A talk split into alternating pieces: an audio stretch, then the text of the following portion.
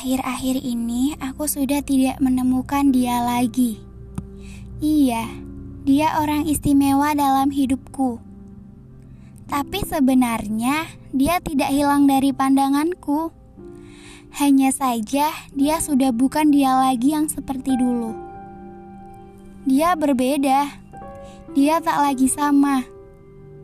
Dia dulu selalu ada buat aku. Dia tidak pernah lelah mendengar ceritaku. Tapi sekarang sudah beda cerita. Dia sudah bukan dia yang seperti dulu. Padahal dari awal aku tidak pernah mengira akan jadi seperti ini. Aku tidak tahu apa yang membuatnya menjadi seperti ini. Apa mungkin ini karena kesalahan yang aku lakuin?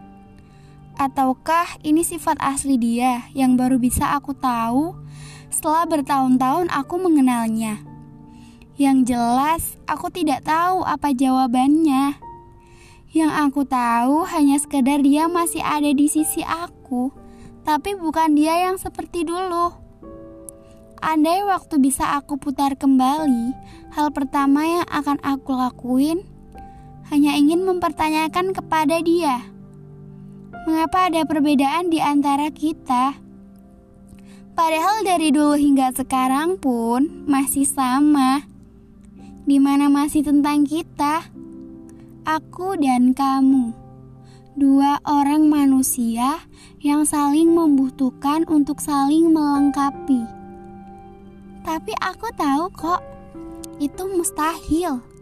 Waktu tidak akan bisa diputar kembali seperti dulu saat pertama kali kita bertemu.